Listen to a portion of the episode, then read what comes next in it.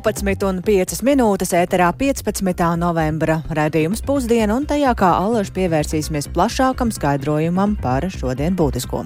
Studijā Dāca Pēkšēna. Labdien! Vai atbalstāma ir prakse premjeram ar komandu ārvalstu vizītēs doties ar privātu lidmašīnu? Tādus pakalpojumus bijušais valdības vadītājs Krišjāns Kariņš no jaunās vienotības pēdējos gados ir izmantojis 18 reižu, kas no valsts budžeta ir izmaksājis vairāk nekā pusmiljonu eiro, un šim jautājumam šodien pievērsās Saimas pieprasījuma komisija. Kad šādi speciālie reisi ir izmantoti, uz to atbildes šodien sniedza valsts kancelēs vadītājs, taču tālāk saimā šo jautājumu ne, neti, neiztirzāšot un vairāk par to vai, ir gatavs pastāstīt kolēģis Jānis Kīncis. Sveiks, Jāni! Sveicināti! Jā, uzmanība ir pievērsta faktam, ka laikā, kad valdības vadītājs bija Krišjāns Kariņš, apmēram trešdaļai lidojumu uz ārvalstīm ir izmantota privāta lidmašīna. Laikā no 2021. līdz 2023. gadam uh, premjeras ar privātu lidaparātu devies 18 lidojumos uz tādām valstīm kā Bēļģija, Slovenija, Portugāla, Polija un citas. Tas skaidrojums gan ar Covid-19 laiku, kad avio pārvadājumu jomā bija daudz iztrūkumu gan arī vēlāk eh, ar šo vizīšu, teikt, eh, lomas pieaugumu dažādu starptautisku notikumu dēļ. Vairumā vizīšu tomēr izmantot regulārie lidojumi ar Air Baltica, Polijas lidkompāniju LOT un citām. Privātie lidaparāti likti lietā, kad regulārā reisa izmantošana nav bijusi iespējama. Tā paskaidroja valsts kancelēs vadītājs Jānis Citskovskis. Bieži vien pāris dienas pirms šīs vizītes mēs tiešām saņemam apstiprinājumu, ka šāda vizīte ir iespējama, viņa notiks. Gala mērķi uh, nevienmēr sakrīt ar regulāriem avioreisiem. Tas pirmais, jo mēs skatāmies, vai ir pieejami regulāri avioreisi, kas ir tas lidojuma grafiks. Ja nav iespējams nodrošināt ar šiem regulāriem avioreisiem, Tikai tajā gadījumā uh, tiek izvērtētas šīs alternatīvas. Un šis ir universāls princips. Publiski pieejama informācija visu uh, rietumu uh, demokrātisko valdi, valstu valdības vadās pēc šī principa. Premjerministrs ir lidojis kopā, protams, ar padomniekiem, ar ārlietu ministrijas darbiniekiem, arī valsts drošības dienesta darbiniekiem. Valsts kancelēja gan detalizēti neizklāsta, cik cilvēku bijuši šajās delegācijās. Pēc eh, Citskovska teiktā, dažādu starptautisku tikšanos un vizīšu nozīme kontekstā ar Krievijas iebrukumu Ukrainā un citiem notikumiem pēdējos gados ir strauji augusi. Un speciālo avioreisu izmantošana, protams, ir dārgāka, taču šīs izmaksas tiek vērtētas tā, ka vēl dārgāk izmaksātu laika kavēšana ceļā uz kādu galamērķi vai arī izlaistas tikšanās. Arī agrākie premjeri reizumus ir izmantojuši privātu lidmašīnu pārvadājumus, taču šī informācija pašlaik nav apkopota, piebilda valsts kancelēs vadītājs. Un nedaudz papildinot arī par to, kāda ir avio pārvadājuma praksa cita vieta valsts sektorā, jānorāda, ka, piemēram, arī dažādu jomu ministra lidojumiem izmanto regulāros reisus un noteikti ne, neizmanto vietas biznesa klasē. Un jāpiebilst, ka arī visus lidojumus uz Eiropas padomi, Eiropas Savienības valstu un valdību vadītāju sanāksmēm gan ierēģiem, gan ministriem apmaksā Eiropas Savienība. Un viens no pieprasījuma iesniedzējiem par privātu lidmašīnas izmantošanu premjeru lidojumiem bija deputāts Edvards Smiltēns no apvienotā saraksta, kurš uh, aizvadīto gadu bija arī saimnes priekšsādātājs Un viņš uzsvēra, ka ārlietās aktīva loma ir valsts prezidentam, saimnes priekšsēdētājam, premjeram, ārlietu ministram un saimnes ārlietu komisijas vadītājam, taču pieeja avio reisu izmantošanā acīm redzami atšķiras. Paklausīsimies arī viņa teikto. Saima nekad nav iedomājusies izmantot, piemēram, biznesa klasi. Nerunājot par privātu lidmašīnu īrēšanu. Pat biznesa klase saimas priekšsēdētājam ir faktiski tabū. Tāpēc, ka to nevar pamatot ekonomiski. Iespējams, varbūt ir kaut kādi tālie pārlidojumi, nav biļešu tajā brīdī. Varbūt kaut kur vēsturē var atrast. Senā vēsturē, kad saimnes priekšsēdētājs būtu izmantojis šādu privilēģiju. Nekad nav bijusi privāta lidmašīna. Savukārt tagadējās premjeras Evikas Siliņas laikā par valsts budžeta līdzekļiem privāta lidmašīna vizīšu nodrošināšanai nav izmantota, piebilda viņas parlamentārais sekretārs Jānis Patmalnieks.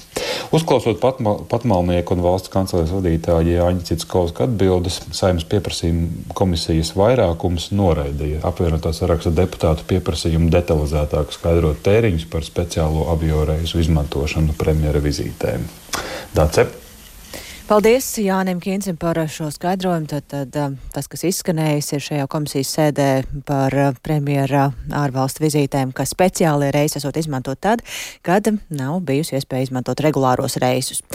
Bet uh, mēs pievēršamies vēl kādam būtiskam tematam. Kopš Latvija ir brīva un demokrātiska valsts, nekas tāds nav piedzīvots. Tā Latvijas Nacionālajā bibliotēkā saka par Jūrmālas bāriņu tiesas aicinājumu Jūrmālas bibliotēkām ierobežot bērnu piekļuvi noteiktām grāmatām. Bāriņu tieši šo izdevumu saturā ir saskatījusi pornogrāfiju, bet Nacionālā bibliotēka un Latvijas bibliotekāru biedrība atklātā vēstulē atgādina, ka bibliotekāri ne pie kādiem apstākļiem nav iesaistāmi cenzūras darbībās. Un vairāk šajā jautājumā ir iedziļināsies kolēģi Zana Eniņa diezgan absurda situācija izklausās, bet par, kurgā, par kurām grāmatām ir runa? Labdien! Runa ir par četrām šogad izdotām grāmatām, kuras bibliotēku katalogā atzīmētas kā izdevumi par bērnu seksuālo audzināšanu. Un šķiet, ka zināmākā no tām ir Pēfera Blata un Kava Mūras izdevums Tur lejā par dzimumu orgānu nosaukumiem. Šī grāmatiņa ir arī ierauta jau pamatīgā skandālā, līdz pat draudiem tulkotājai un gadījumiem, kad izdevums publiski saplēsts. Laikam tas kalpojas kā laba reklāma, jo ieskatoties elektroniskajā katalogā, redzams, ka gandrīz visi jūrmalas bibliotekās pieejamie šīs grāmatas eksemplāri ir izsniegti lasītājiem. Plauktā pieejama tikai viena grāmata un vēl viena ir krātuvē.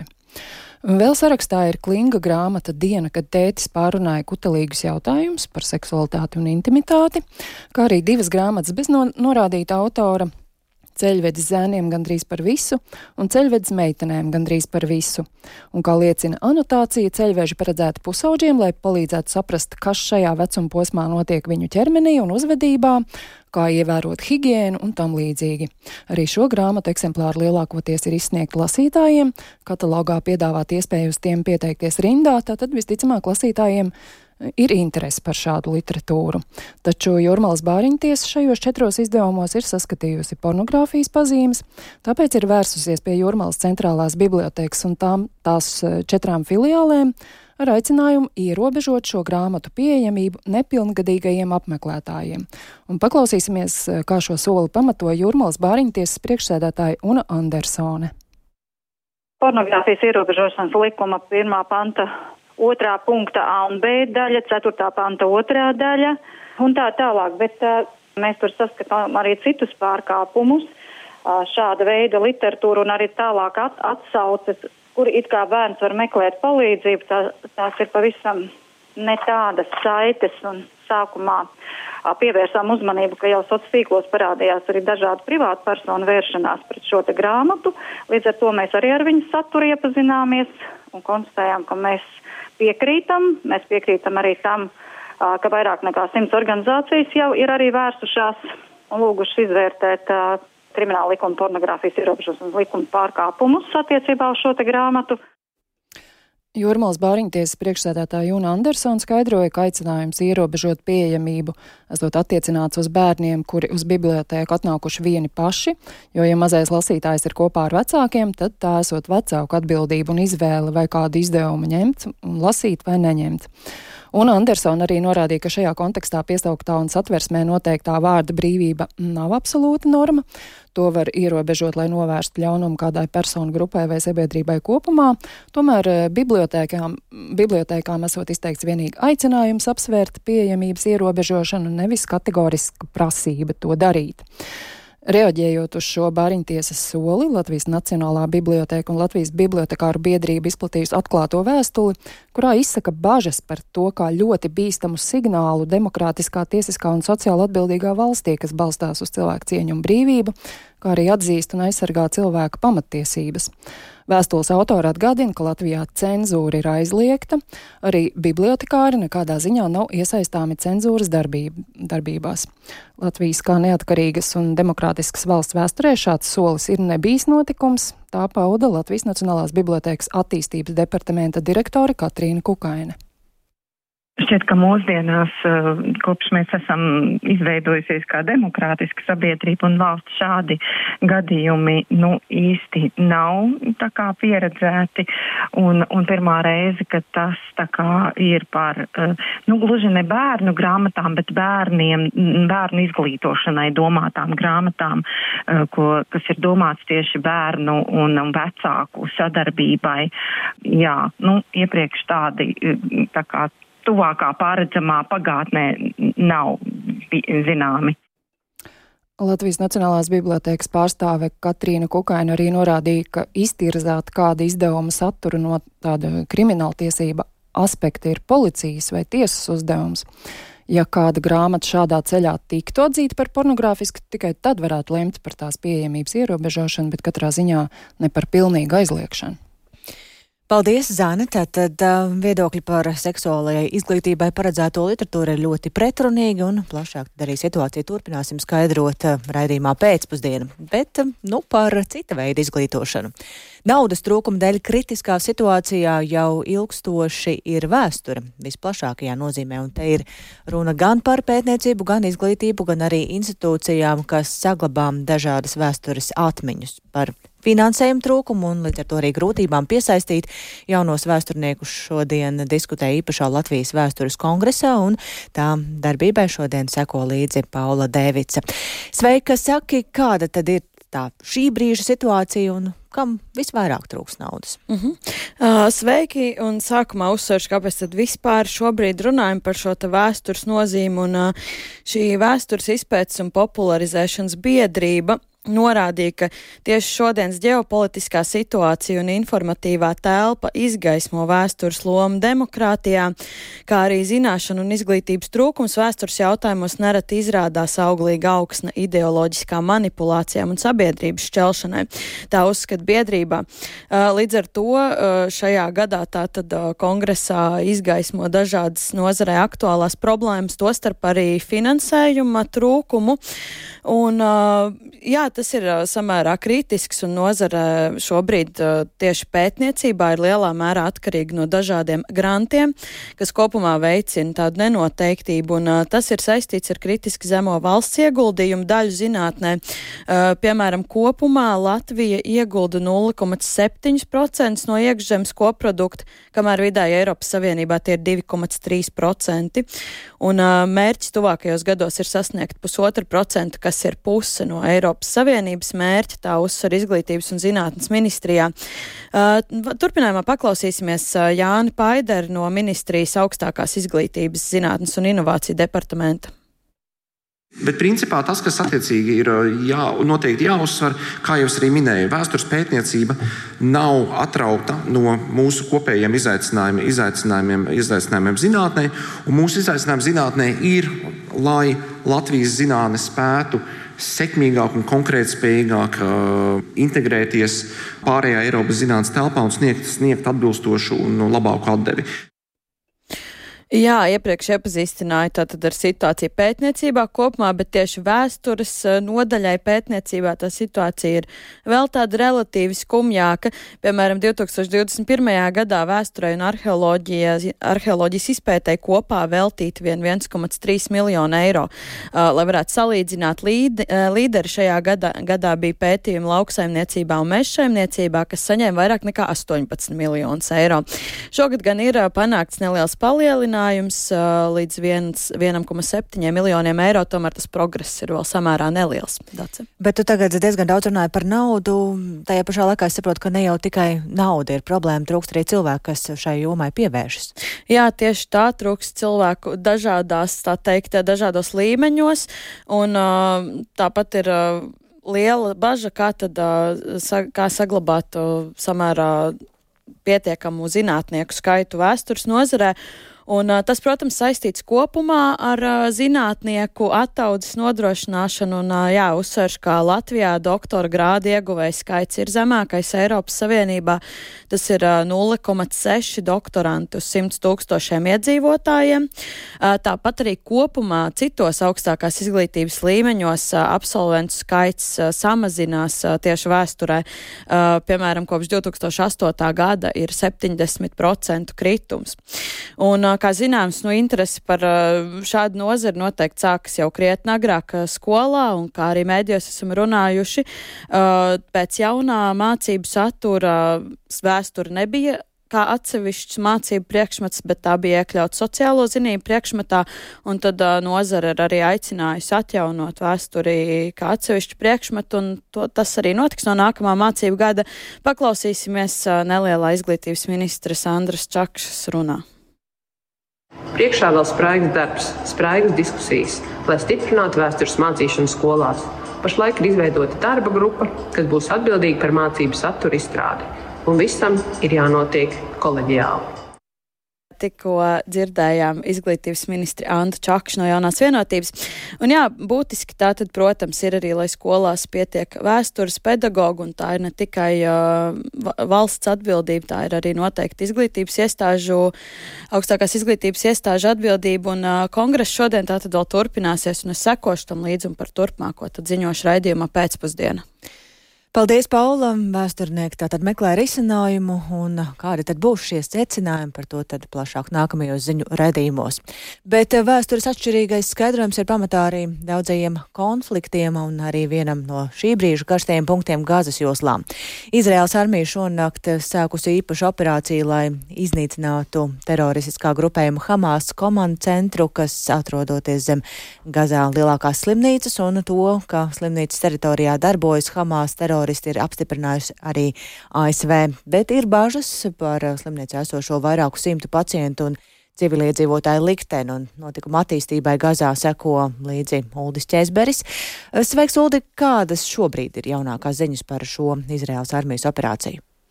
Jā, nu šonakt uh, šajā šīfas slimnīcas kompleksā, kas ir tāds plašs, tur ir ļoti daudz ēku, uh, iegāja mm, vairāki desmit izrēliešu karavīru, kurus uh, pavadīja arī smagā bruņu tehnika, tostarp tanki, un reids notika pēc vairākas dienas ilgušām apšaudēm ārpus slimnīcas teritorijas, un Izraels armijas runas Pīters Lerners sacīja, ka šī operācija ir rūpīgi plānota, un tad varam arī paklausīties viņa komentāru. We're not overrunning the hospital, but we are conducting a very precise Mēs neiebrukām slimnīcā, bet veicām ļoti precīzu un mērķētu operāciju konkrētā vietā, par kuru mums ir izlūgdāti. Tas ir nepieciešams, lai sakautu Hamas un, iespējams, izglābtu ķīlniekus. Slimnīca un slimnīcas komplekss ir viņu operāciju komandcentrs, varbūt pat sirds un, iespējams, smaguma centrs. Pēdējās dienās mēs esam centušies evakuēt cilvēkus no slimnīcas, mēs mēģinājām piegādāt pārvietojamos inkubatorus, lai izvestu no slimnīcas priekšlaicīgi dzimušo šos mazuļus, jo Gazas civiliedzīvotāji nav mūsu ienaidnieki. Hamas ir ienaidnieki. Tāpēc mēs darām visu, lai nošķirtu civiliedzīvotājus no Hamas teroristiem, kuri izmanto slimnīcu un apdraud cilvēkus. And the Hamas terrorists that are using the hospital and, and jeopardizing those people. Jā, un šīs slimnīcas pārstāvji informēja, ka izrēliešu karavīri ir iegājuši neatliekamās palīdzības nodaļā un arī pagrabstāvā, kur atrodoties radioloģijas iekārtas. Slimnīcā esošie žurnālisti ziņo, ka karavīri pārvietojas no telpas uz telpu un izjautā cilvēkus. Savukārt ārpusē izrēliešu militāra personas pa skaļruniem ir aicinājušas visus vīriešus vecumā no 16 līdz 40 gadiem doties uz slimnīcas eh, pagalmu. Nu, izņēmums esot eh, ķirurģijas un eh, neatliekamās palīdzības nodaļā strādājošie. Un tur pagalmā esot uzstādītas arī tādas skenēšanas ierīces, caur kurām tad visiem vīriešiem ir jāiziet cauri. Un karavīri arī ir raidījuši šāvienus gaisā, lai tad piespiestu slimnīcā esošos doties ārā. Bāžas par Izraēlas militāro operāciju slimnīcā ir paudušas starptautiskās organizācijas, nu, piemēram, ANO ģenerālsekretāra vietnieks humanās palīdzības jautājumos Mārtiņš Grifits paziņoja, ka viņš ir satriekts par Izraēlas armijas reidu un uzsvēra, ka slimnīca nav kaujas lauks, tāpēc pacientu, mediķu un arī civiliedzīvotāju drošība ir svarīgāka par visu. Nu, savukārt Pasaules veselības organizācijas pārstāve Margarita Herisa eh, nosodīja Izraēlas pirms militārās operācijas izplatītos aicinājumus evakuēt Šīfas slimnīcu un paklausīsimies viņas teikto. Slimnīcās cilvēki ir ļoti vārgi un ļoti slimi, tāpēc viņu pārvietošana ir neiespējams uzdevums. Ārstiem un medmāsām tiek prasīts pārvietot pacientu, zinot, ka tas viņus nogalinās. Un vispār, kāpēc viņi būtu jāpārvieto? Slimnīcām nevajadzētu uzbrukt. Jā, un Hamas kontrolētā Gazas veselības ministrija apgalvo, ka Šifas slimnīcas kompleksā atrodas aptuveni 9000 cilvēku. Daļa no tiem ir civiliedzīvotāji, kuri cerēja patvērties no Izraēlas aviācijas uzlidojumiem, vai arī ir nu, vienkārši zaudējuši kara darbībā savas mājas un nav devušies no Gazas ziemeļiem uz Gazas dienvidiem. Nu, slimnīcā fak faktiski normāls darbs ir apstājies, jo vairumā nodaļu nav pieejama elektrība, ir izbeigušās arī skābekļa rezerves, tāpat trūkst medikamentu, dzeramā ūdens un pārtikas, un tikmēr slimnīcas teritorijā joprojām trūda eh, desmitiem līķu, jo tos vienkārši nav iespējams izvest ārā. Paldies Uldim Česberim, tik tālu ziņas no Izraels un Gāzes konflikta zonas, bet atpakaļ pie Latvijas aktualitātēm. Iespējams, jau nākamajā pavasarī iedzīvotājiem būs ērtāka ceļošana ar autobusu starp Liepāju, Rīgu un Daugopilu, jo tiek plānots jauns komerciālais autobusu reiss. Uzņēmums Luks Express, kas Baltijā ir viens no lielākajiem autobusu pārvadātājiem, ir iesniedzis šādu pieteikumu. Kā savu plānu pamato uzņēmums, ņemot vērā to, ka ar komerc pārvadājumiem Latvijai nesokas, vairāk ir gatavs stāstīt kolēģis Viktors Demīdovs. Sveiks! Kādi tad ir tie galvenie argumenti? Jā, labdien! Nu, tas pasažieru pārvadātāja kompānija Lukas Express, kas veic arī starptautiskos pārvadājumus, plāno braukt arī divos maršrutos. Tātad Rīga Liepā un Liepā Daugopils. Tie būtu komercreis, kas nozīmē, ka uzņēmums no valsts nesaņems ne centa, un tagad Latvijā ir tikai viens komercreis - Rīga salas pils, ko veids uzņēmums Galsbus. Vēl pavasarī bija komercreis Rīga Daugopils, taču uzņēmums Daugopils autobusu parks tos pārtrauca, jo nesot bijis izdevīgi. Ja runājam par Luks ekspresa plānu, tad reizes Rīga eh, starp Rīgu un Liepāju plānots um, ikdienu Katrā virzienā būs uh, seši reisi, bet brīvdienās septiņi. Biļešu cenas būs apmēram tādas, kādas ir šobrīd. Uz valsts dotētiem reisiem tagad ir 8,65 eiro vai 8,85 e, eiro, taču uzņēmumā norāda, ja pasažieri e, biļetes pirks īsi pirms izbraukšanas, tad cenas būs līdz pat 15 eiro. Ilguma ziņā reis starp Rīgu un Liepāju būs apmēram 3 stundas, un tas būs apmēram tikpat, cik ir tagad, pat ātrāk, jo atsevišķi reisi ceļā pavada 3,5 stundas un pat vairāk. Savukārt reizes Liepāja Daugopils kursēs reizi dienā, turklāt autobusi iebrauks arī Rīgā. Tātad starp galvaspilsētu un Latvijas otru lielāko pilsētu ikdienu atsāks kursēt autobusi. Bet rodas jautājums, kāpēc tas ir izdevīgi, un to tad vairāk uh, noklausīsimies Lukas Ekspresa Baltijas biznesa attīstības direktora teiktā Alda Ķibēna. Skatoties it īpaši uz Rīga liepāju maršrutu. Mēs redzam, ka kustība starp šīm divām pilsētām ir ļoti liela un viņi ir ar augošu tendenci katru gadu. Tas nozīmē, ka uh, cilvēki pārvietojas starp Liepāju un Rīgu daudz vairāk nekā tas ir bijis jebkad iepriekš. Tomēr mēs šo pieaugumu neredzam pasažieru skaitā, kas izmanto sabiedrisko transportu. Un tas vienkārši parāda to, ka tas esošais pakalpojums, viņš nav tāds, ko cilvēki ir gatavi izmantot. Nu, Tālāk, un komerc pārdāmas kompānija paredz sākt maijā, bet vispirms ir jāsagaida atļauja no autotransporta direkcijas, kur man teica, ka lēmums ir jāpieņem sabiedriskā transporta padomē. Kā uz konkurences palielināšanos raugās citi pārvadātāji? Nu jā, Liepais autobusu parks uh, ir tas, tas uzņēmums, kas veic regulāros reisus starp Rīgu un Liepāju, un dienā ir pat di vismaz 20, svētdienās ir 15. Uh, uzņēmuma vadītāja Anna Valtere rakstiski atbildēja ļoti īsi, ka par Luks Express pieteikumu autotransporta direkcijai un plāniem viņa ir uzzinājusi tikai no medijiem, un līdz ar to plašākus komentārus viņa nesniedz, bet uh, tātad pasažieru pārdotāju asociācija uz to raugās diezgan pozitīvi sakot, ka nu, Liepais autobusu parks regulāri atceļ reisus pēdējā laikā, un cilvēkiem vajag nokļūt no vienas vietas līdz otrai, tāpēc tādu komerc uh, pakalpojumu asociācija atbalsta. Paldies Viktoram Demīdovam. Tātad plašāk par to raidījumā pēcpusdiena. Tur noteikti arī sekos vēl izvērtējums. Un šobrīd savukārt izskan raidījums pusdiena, ko producēja Ilza Agīnti, ierakstus montēja Kaspars Groskops par labskaņu rūpējās Katrīna Bramberga un ar jums sarunājās Dāca Pēkšēna. Uz tikšanos atkal rīt! Yeah.